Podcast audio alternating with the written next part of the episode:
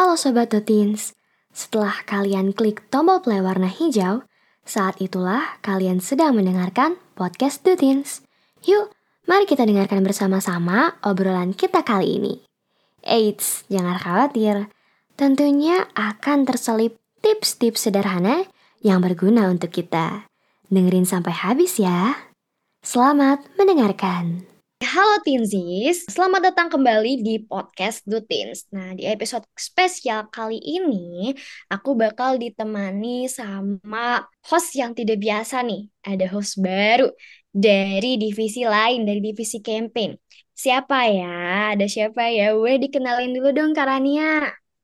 Halo Tinzis, selamat pagi, selamat siang, selamat malam semuanya di mana pun kalian berada.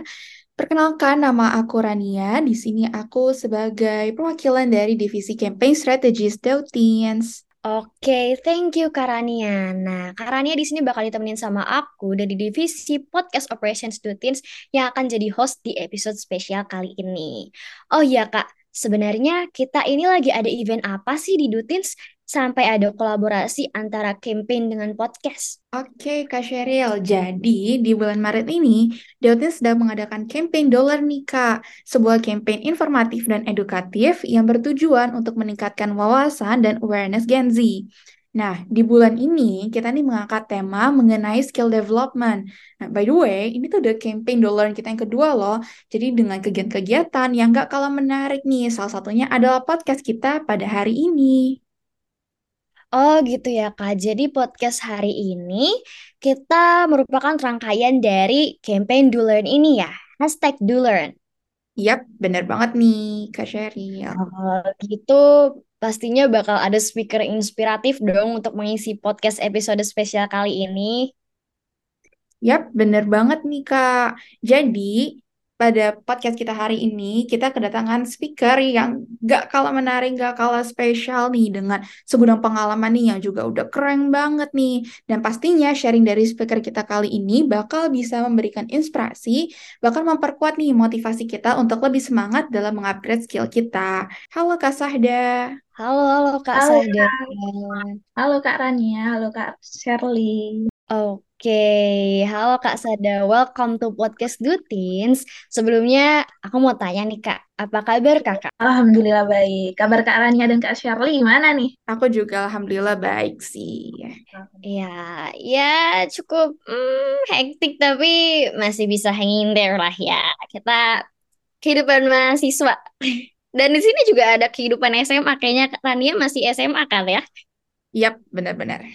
Oke, keren banget sih. Ini di Dutins gak hanya mahasiswa kuliah, tapi juga ada SMA dan pastinya remaja-remaja yang suka lah sama self-development dan increasing knowledge-nya. Oke deh, sebelum kita mulai berbincang dengan Kak Sahda nih, kakak boleh dong perkenalkan diri terlebih dahulu ke Tinzis yang lagi dengerin kita nih. Halo semua, perkenalkan nama aku Sahda Salsabila Jadi kalian bisa panggil aku Sahda. Saat ini aku sedang berkuliah di dua universitas, yaitu Universitas Islam Negeri Sunan Ampel di Surabaya, jurusannya Ilmu Al-Quran Tafsir, dan di Universitas Muhammadiyah Surabaya, jurusan Psikologi. Nah, untuk kesibukan aku sehari-hari, aku merupakan founder dari komunitas Open Your Mind Indonesia dan Alhamdulillah tahun ini dapat gelar Duta Muda Jawa Timur. Wow, wah, gila keren banget sih ini Kak Sada. Udah double degree kuliah di dua universitas. Universitas Muhammadiyah Surabaya dan UIN Sunan Ampel Surabaya. Terus jadi duta muda Jawa Timur juga. Wah, Kak nggak sepanang gitu Kak kepalanya Kak apakah? Oke, okay, sepadang tapi kok suka gitu ya, happy ngejalaninya. Wow, wow, wow. Kayaknya uh, kekerenan Kak Sahda ini sesuai nih sama apa yang bakal kita bahas di podcast campaign hashtag do learn ini. Apa sih? Jadi di episode spesial podcast ini, kita bakal bahas mengenai upgrading skills saat kuliah. Kenapa enggak? Nah, kan tadi udah dijelasin tuh kak, dari kakak, kesibukan kakak saat ini. Sebagai pembuka dari tema ini, aku mau tanya nih ke Kak Sahda, apa sih motivasi kakak berkegiatan sedemikian rupa dan mungkin kegiatan itu juga berguna untuk mengupgrade skill kakak? Oke, motivasi aku ngelakuin semua itu tuh karena sadar ya bahwa kita kan lagi di era globalisasi dan selalu upgrade uh, semuanya itu pasti diupdate gitu ya. Bukan hanya secara eksternal yang diupdate, tapi internal kita tuh harus selalu diupdate gitu. Maka dari itu tuh kayak, wah aku nggak boleh kalah nih sama orang lain nih. Yang lain udah di garis mana, aku masih di garis mana ini. Kayak gitu Kak. Jadi pastinya setiap tahun itu persaingan itu pasti sangat tinggi dan itu membuat aku terus pengen wah aku nggak boleh berhenti di sini kayak gitu sih kak. Oke oke itu motivasi kakak ya kan dengan motivasi kakak itu terus dengan media-media yang kakak ikuti nih kan tadi dijelasin kegiatan kakak tuh beragam lah ya bisa kita lihat. Nah melihat dari motivasi Kak Sada dan kegiatan Kak Sada ini tentunya kan kalau untuk mengupgrade skill nih Kak, kita kan membutuhkan sebuah medium tuh untuk mengasah skill kita. Menurut Kak Sahda, dari pengalaman Kak Sahda sendiri, atau mungkin uh, Kak Sahda punya pengetahuan tertentu nih, apalagi kan Kak Sahda dari ilmu psikologi. Kita itu mengasah skill yang paling efektif lewat apa sih Kak? Oke, sepengetahuan aku sejauh ini, yang dan yang aku sering rasakan itu kalau misalnya kita upgrade skills, itu paling paling efektif itu praktek, Kak. Kenapa ya? Karena kita tuh kalau di kalau makanannya sehari-hari materi itu otak itu juga capek gitu. Nah, jadi ketika praktek itu mencari kesempatan gitu untuk menggali keterampilan lain kayak gitu. Setelah kamu praktek, kamu bisa nih diterapkan di kehidupan sehari-hari seperti itu, Kak. Oke, oke, keren banget sih. Gimana nih Kak Rania tanggapannya? Wih, wih, wih. Oke nih, aku juga setuju banget nih sama Kak Sahda nih. Jadi kalau misalnya kita cuman belajar-belajar materi-materinya doang, nggak kita praktekin kan lama-lama kita juga bisa lupa, ya kan? Apalagi kalau misalnya setelah kita praktekin nih, kan bisa juga kita apply nih ke kehidupan sehari-hari kita. Wih, keren banget sih nih jawaban dari Kak Sahda. Kita ngomong-ngomong ini tentang praktek skill-skill nih. Menurut Kak Sahda, gimana sih nih Kak tanggapan Kakak nih tentang mahasiswa yang memilih untuk mengupgrade skillnya nih melalui organisasi. Itu sebuah pilihan yang bagus ya untuk mahasiswa agar dia bisa memperoleh pengalaman dan keterampilan baru selama dia masih kuliah dengan organisasi itu. Mahasiswa itu bisa dapat banyak manfaat gitu, seperti memperluas jaringan, belajar dari senior, terlibat kegiatan yang bisa meningkatkan keterampilan seperti kepemimpinan dan organisasi. Lalu, mahasiswa juga bisa nih memperdalam minat dan keahlian tertentu. Kan setiap mahasiswa punya minatnya beda-beda ya. Maka dari itu, setiap mahasiswa tuh harus bisa memilih mana sih organisasi yang sesuai minat dan keahlian aku, kayak gitu. Nah, ada juga satu hal yang penting. Kalau misalnya kamu sudah masuk organisasi nih, dan kamu memberikan apa yang kamu punya kepada organisasi itu, harus disesuaikan dengan apa sih yang kamu dapat dari organisasi itu. Jadi kamu nggak hanya capek doang, nggak dapat apa-apa, tetapi kamu capek dan mendapat hal-hal yang memang sangat berharga buat kamu sendiri, kayak gitu. Oke, jadi organisasi ini salah satu medium yang tepat juga nih ya Kak, buat kita untuk bisa mempraktekkan nih skill-skill kita yang tadi udah kita pelajari. Nah, selain kita buat ngepraktekin, di organisasi ini kita juga bisa dapat banyak-banyak manfaat lainnya nih, mulai dari memperluas jaringan, terus kita juga bisa terlibat nih di berbagai kegiatan di mana kita juga bisa mengembangkan nih skill-skill yang mungkin sebelumnya belum kita kuasai nih. Nah, kita tadi udah ngomong-ngomong tentang praktek, lalu organisasi. Nah, kalau menurut Kak Sahda sendiri, kapan sih Kak waktu yang paling tepat nih buat kita mengasah skill kita? Kira-kira itu semasa kita kuliah atau setelah kita lulus kuliah nih Kak? Oke, menurutku sebelum kuliah, sebelum masuk kuliah, sebelum daftar kuliah itu sudah seharusnya belajar skill gitu. Atau bisa dibilang sejak dini. Jadi sejak sekolah dasar gitu ya. Para orang tua tuh sebaiknya sudah memberikan keterampilan dasar gitu ya. Dan yang pastinya seperti membaca, menulis, berhitung. Nanti setelah itu SMP-nya belajar seperti hal-hal yang lebih spesifik seperti bahasa Inggris atau bahasa asing, bermain musik. Nah, nanti baru saat kuliah itu memperdalam lagi nih hal-hal yang udah dipelajari sebelumnya. Jadi jawaban yang paling tepat itu adalah dimulai sejak dini dan orang tua tuh seharusnya mendukung anaknya kayak gitu. Nah, nanti ketika kuliah kita udah tahu nih, aku mau yang mana, aku mau uh, keterampilan mana nih yang harus lebih dikembangkan kayak gitu dan bisa bergabung dengan organisasi yang tadi kita bahas kayak gitu sesuai dengan bakat dan minat yang kita miliki.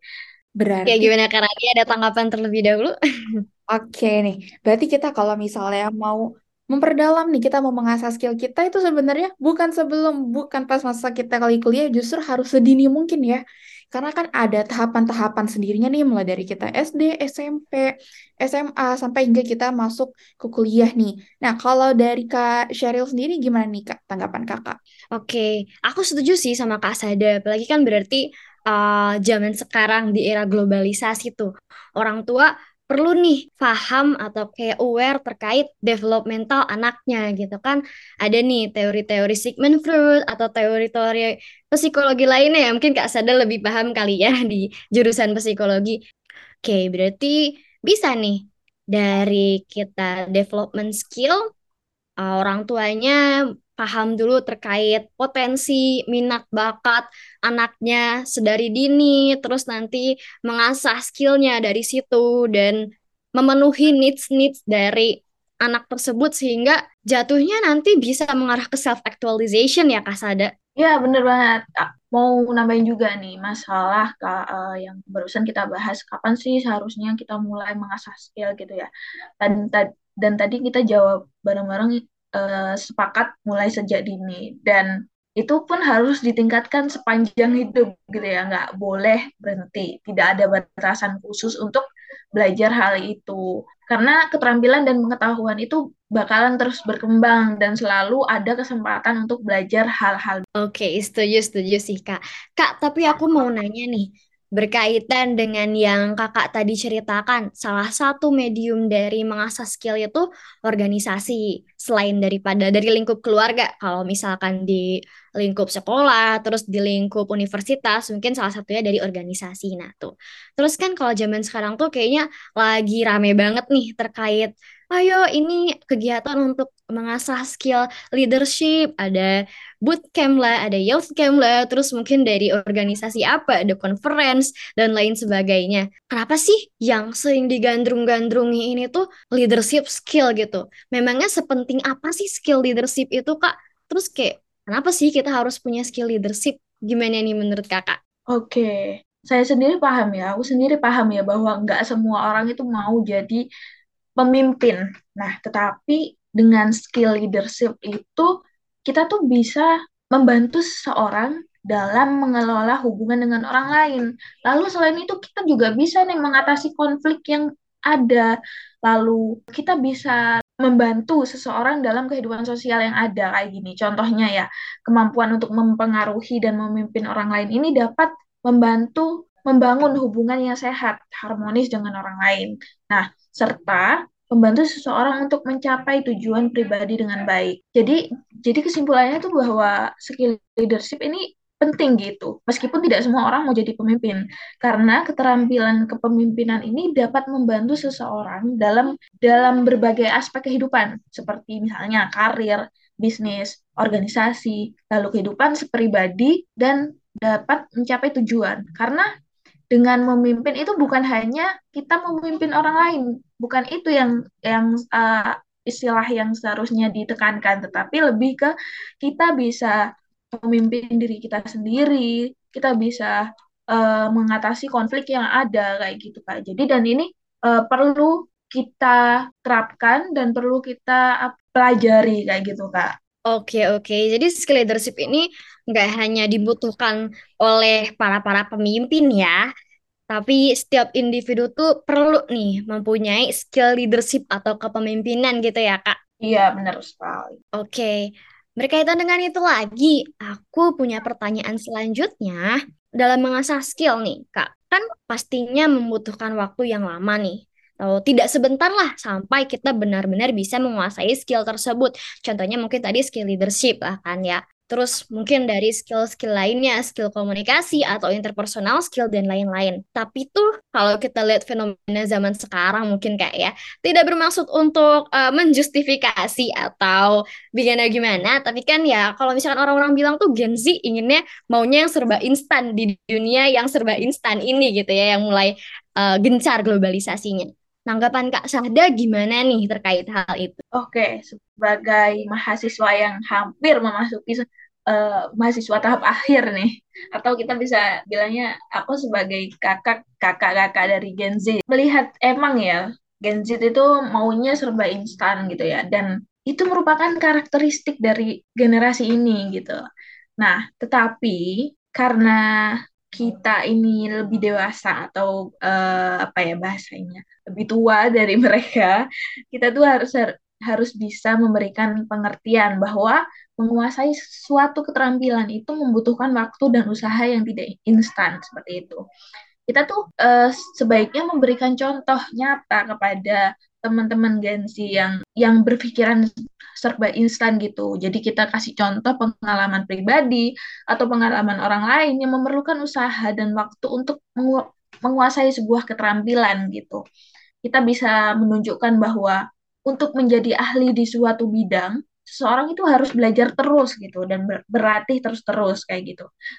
Dan seseorang yang ahli di suatu bidang itu bisa juga menghadapi tantangan dan kegagalan dan kesabaran dan ketekunan itu yang mereka pegang. Jadi uh, selain kita memberikan solusi atau saran kayak gitu, kita tuh juga bisa memberikan pelajaran baru buat mereka. Misalnya nih, menunjukkan sumber daya online yang dapat membantu mereka belajar atau kursus yang mereka minati. Jadi kita memberikan pengertian, memberikan contoh, memberikan uh, saran, dan selain itu kita harus paham bahwa Gen Z ini seperti ini orangnya. Jadi kita harus seperti ini kayak gitu. Karena kalau misalnya apa ya dalam psikologi pun kalau kita ada teman yang curhat ke kita kayak gitu, uh, tidak semua apa orang itu bisa pakai satu cara untuk di untuk uh, dimeditasi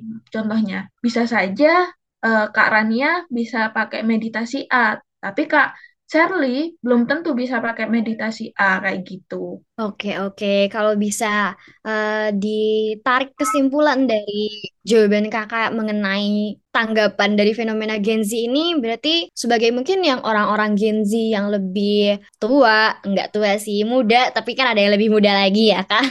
Dari semester akhir mungkin mahasiswa-mahasiswa yang sudah lebih berpengalaman sebagai kakak-kakaknya bisa memberikan contoh nyata kepada teman-teman Gen Z yang lain nih. Ingin nih mengasah skill. Dan mungkin kita juga ini ya kak ya, menekankan untuk berfokus ya pada proses daripada hasil. Karena prosesnya itulah sebagai yang tadi dibicarakan oleh Kak Sahda, prosesnya itu yang sebenarnya akan membentuk skill tersebut. Kan kalau misalnya kata pepatah, terbentur, terbentuk, eh terbentur terbentur lalu terbentuk kayak gitu ya kayak ya? iya setuju setuju. Oke gimana nih kalau dari tanggapan Karania oke kalau dari aku aku sendiri juga setuju banget nih sama Kak Sahda ya. Apalagi di sini kan aku di sini sebagai sudut pandang dari Gen Z ya. Tapi kita juga harus menanamkan juga nih aku sebagai Gen Z kepada diri aku dan juga teman-teman Gen Z lainnya nih. Kalau misalnya kita mau mencapai kesuksesan nih kita mau menguasai satu skill itu prosesnya emang panjang. Prosesnya emang banyak tantangannya. Kita harus bisa sabar, kita harus bisa menghadapi nih seluruh rintangan-rintangannya nih gitu. Nah, tadi kan nih kita udah ngebahas nih ya tentang bagaimana kita mau mengasah skill itu butuh waktu yang lama. Kita juga udah ngebahas nih tentang seberapa pentingnya sebenarnya skill leadership itu. Nah, selain dari skill leadership, kan sebenarnya skill itu ada banyak banget ya. Mulai dari soft skill misalnya komunikasi teamwork terus juga dari hard skill hard skill yang mana biasanya itu membutuhkan waktu yang memang lebih lama gitu untuk benar-benar bisa sampai expert gitu di satu bidang. Nah kalau dari Kak Sahda nih, menurut kakak skill apa sih kak yang paling penting nih untuk kita kuasai nih di era globalisasi ini sekarang? Oke, pertanyaan menarik ya uh, sebenarnya tidak ada satu skill yang paling penting uh, atau satu skill tunggal yang paling penting karena kan setiap profesi atau setiap bidang itu punya kebutuhan keterampilan yang berbeda-beda. Tetapi ada beberapa keterampilan yang atau skill yang memang harus diterapkan kayak gitu dan sangat dianggap penting oleh banyak orang atau banyak organisasi. Mulai dari kemampuan berkomunikasi. Dengan kemampuan ini tuh seseorang bisa menyampaikan pesan itu dengan jelas.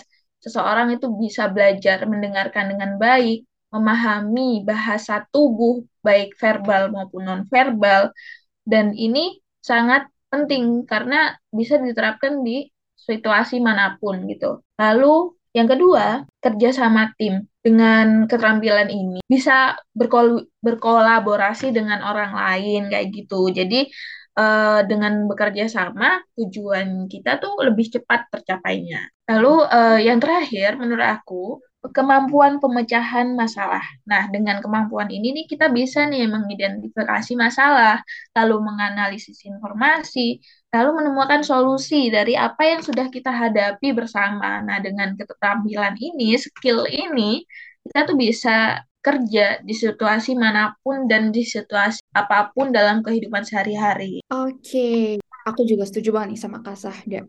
Jadi sebenarnya setiap profesi itu kan pasti ada membutuhkan keterampilan yang masing-masing ya. Kalau kita mau jadi dokter misalnya, pasti ada satu skill nih harus kita kuasai. Tapi kalau kita jadi arsitek, skill harus kita kuasai itu pastinya berbeda nih sama kalau kita mau jadi dokter. Tapi terlepas dari profesi apa yang mau kita kejar nantinya, ada memang beberapa skill yang harus kita kuasai. Di antaranya adalah komunikasi dan juga kerja sama tim nih.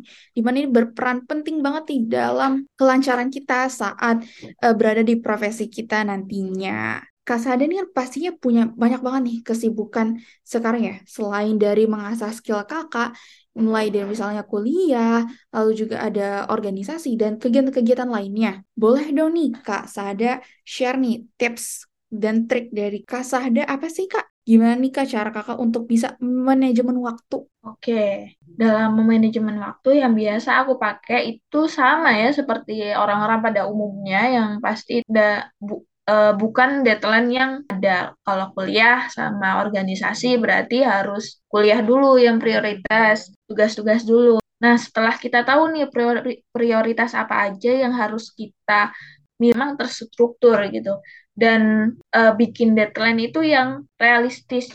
Nah, lalu saat waktu luang ini setelah aku membuat jadwal yang terstruktur dengan waktu luang yang ada, itu aku mempelajari atau menambah skill-skill baru kayak gitu. Jadi nggak ada waktu yang aku buang kayak gitu dan dan itu bisa kalian terapin ya. Oke, boleh nih dari Kak Sheryl, tanggapan kakak gimana sih? Menarik sih Kak, berarti untuk mengasah skill itu ada prosesnya ya Kak, salah satunya manajemen waktu itu, terus mungkin dari Kak Sada tadi untuk membuat schedule biar kita lebih terstruktur nih, dan supaya mencapai si goals itu dengan efektif gitu, mencapai kita tuh maunya skillnya apa sih yang bisa uh, kita kuasai. Nah, seperti yang diutarakan sebelumnya sama Kak Sada juga di eh, menit-menit uh, yang sebelumnya nih, kalau misalkan mengasah skill itu membutuhkan suatu proses dan untuk mencapai kemaksimalannya tidaklah mudah gitu ya Kak.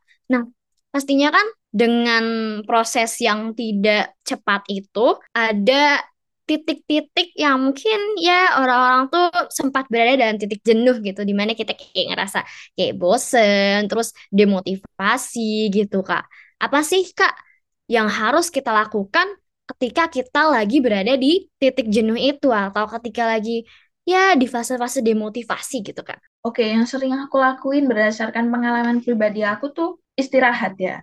Istirahat dan kita self reward. Kita pastinya harus memberikan hadiah kepada diri kita sendiri setelah kita tuh melakukan banyak hal yang capek, banyak hal yang menguras tenaga kayak gitu ya. Itu satu hal yang emang benar-benar uh, harus dilakuin. Kadang sebagai manusia tuh kita kadang lupa gitu ya bahwa diri ini nih juga sama pentingnya dengan orang lain gitu kak. Oke, okay, cool kak Sada. Oke, Tinsis kan tadi dengerin ya tips yang bisa diterapkan oleh kita langsung di kehidupan kita ya Kak ya. Oh ya Kak Sada, bisa juga nih share tips agar kita bisa konsisten dalam mengupgrade skill kita gimana nih kak? Oke, okay. untuk uh, bisa terus konsisten dalam menambah skill itu ya kita harus punya tujuan yang tetap gitu, yang nggak berubah-ubah gitu ya. Karena dengan tujuan yang tetap, kita tuh bisa mengukur bahwa kita nih udah sampai mana sih mengasah skillnya, udah sampai berapa persen sih. Nah, jadi setelah kita tetapkan tujuan, kita akan tahu nih evaluasi diri kita sendiri dan berupaya untuk tetap konsisten bahwa ini tujuanku dan ini yang harus aku lakukan sampai selesai kayak gitu Kak. Selain itu yang tadi aku jelaskan untuk kita tuh harus menetapkan tujuan kita agar lebih konsisten dalam menambah skill jawaban yang dari pertanyaan sebelumnya tentang jenuh dalam menambah skill itu bisa diterapkan juga di dalam pertanyaan ini. Jadi, jangan lupa self reward untuk bisa membuat diri kita untuk tetap konsisten dan tidak mudah menyerah dalam menambah skill baru, Kak. Seperti itu. Oke, jadi tadi itu nih tips dari Kak Sahda nih buat kita untuk bisa tetap konsisten. Di antaranya adalah kita bisa self reward nih sebagaimana kalau kita habis kita nyelesain, kita ngupgrade satu skill, kita ngasih hadiah ke diri kita sendiri biar kita nggak jenuh, biar kita bisa take a break dulu nih untuk sebentar gitu. Kita juga penting banget nih buat punya tujuan yang tetap nih, yang nggak berubah-ubah. Biar kita bisa mengukur, kira-kira kita tuh udah mengasah skill kita tuh udah nyampe mana sih? Oke. Okay. Oke, okay, oke. Okay. Berarti yang tadi dibicarakan oleh Kak Sahda sudah banyak banget nih mengenai skill-skill yang harus kita kuasai sebelum lulus kuliah, terus mungkin gimana sih proses kita untuk mencapai skill tersebut. Kita tadi udah bahas berbagai opini mengenai upgrading skill dari A hingga Z. Nah, sebenarnya apakah skill yang kita kuasai itu dapat menambah peluang kita nih, dapat menambah opportunity kita untuk mungkin mendapatkan apa yang kita mau dari kesempatan organisasi atau kesempatan bisa internship atau dan lain-lainnya gimana nih Kak? Iya jelas banget ya dengan eh, hal-hal uh, yang tadi aku sebutin, skill-skill yang tadi aku sebutin, itu sangat menambah poin plus dalam kalau kalian melamar di organisasi atau internship. Nah, dengan skill komunikasi uh, eh, HR itu bisa, bisa paham wah anak ini bagus nih berkomunikasinya. Wah, uh, anak ini dalam manajemen waktu bagus juga nih. Lalu pemecahan masalah dia tuh uh, gerak cepat gitu atau gercep. Ini bagus nih kalau misalnya kita masukin organisasi kayak gitu Kak. Kayak gitu contohnya sih. Oke oke. Berarti memang penting ya untuk upgrading skill ini selain untuk benefit ke diri sendiri terus juga supaya kita lebih charming gitu untuk menambahkan aura wah kita nih pinter nih dalam skill ini, skill itu. Mungkin kalau misalkan ingin internship kepada HRD-nya, terus kalau misalkan ini organisasi kepada nanti recruiternya dan lain sebagainya. Gimana nih Kak Rania jawaban tersebut? Oke, okay. berarti ini pas banget dong ya sama event selanjutnya nih dari campaign Dolphins tersendiri. Jadi, di bulan April nanti, Dolphins itu akan menggelar campaign dollar selanjutnya nih Kak, yang membawakan tema mengenai internship. Tentunya dengan topik-topik seputar internship yang gak kalah menarik dan berbagai aktivitas campaign yang seru-seru juga. Oh iya kak, masa sih? Keren banget sih. Tinsis tentunya jangan sampai kelewatan nih dan bisa pantengin terus Instagram Dutins untuk informasi lebih lanjut ya mengenai campaign ini mengenai aktivitas ini sesuai juga nih. Bisa langsung mempraktekkan mengaplikasikan secara real apa yang tadi udah diskusikan sama Kak Sahda sama saya dan sama Kak Rania nih. Oke, bener banget nih Kak Sheryl. Udah nggak kerasa ya kita nih udah hampir sampai di penghujung podcast kita pada kali ini. Nah untuk Kak Sada, apakah ada nih Kak closing statement dari Kak Sada untuk Tinzi semuanya yang lagi ngedengerin kita kali ini supaya mereka bisa lebih semangat nih untuk mengupgrade skill mereka? Oke, dari aku jangan jangan takut mencoba hal baru, semangat dan jangan menyerah karena mengasah skill itu butuh waktu dan usaha yang gak sedikit. Jangan pernah menyerah ketika kalian itu lagi, aduh, lagi merasa kesulitan atau lagi gagal. Karena pasti ada hal baik di depan sana yang sedang menunggu kamu. Seperti itu, Kak. Alright, alright. Closing statement dari Kak Sahda barusan sekaligus juga mengclosing podcast episode spesial Dutin sekali ini. Mungkin sebelumnya kita terima kasih banyak kepada Kak Sahda sudah berkenan hadir di podcast Dutins ini sebagai narasumber kita nih yang sangat keren banget dan sharing-sharing dari Kak Sahda tadi yang pastinya bermanfaat untuk Tinzis dan segera-segera kalau kataku sih segera Tinzis praktekkan apa yang Kak Sahda tadi bicarakan. Ya salah satunya melalui campaign yang tadi nggak sih? Oke, okay, kalau aku boleh ambil satu kata dari ilmu kesehatan nih, sungguh-sungguh berkhasiat buat aku apa yang tadi kita udah diskusi sama Kak Sahda. Nah, buat Karania dan Tinsi semua yang lagi dengerin juga. Semoga ini bisa jadi energi positif dan jadi inspirasi juga nih, serta motivasi untuk kita semua semakin uh, mendevelop diri kita dan apalagi melalui increasing skill kita, oke? Okay? Dan terima kasih banyak juga nih buat Karania juga udah nemenin aku jadi host di episode spesial kali ini. Sering-sering main ke divisi podcast operations ya nanti Kak. Siap, siap, siap. Aku juga mau terima kasih banyak juga untuk Kak Sheryl yang sudah meluangkan waktunya untuk podcast yang kerja sama-sama campaign nih pada kesempatan kali ini. Oke, kalau gitu berakhir sudah podcast episode spesial kali ini. Thank you Kak Sahda, thank you Rania, and see you Tinsis in the next episode. Bye-bye. Terima kasih sudah mendengarkan episode ini sampai selesai. Yuk, sharing pengalaman serupa kalian di postingan Instagram at Dutins. Langsung kepoin juga ya IGTV dan feed Instagram Dutins. Terakhir, jangan lupa untuk dengerin podcast Dutins di episode yang lainnya. See you on the next episode. Bye-bye.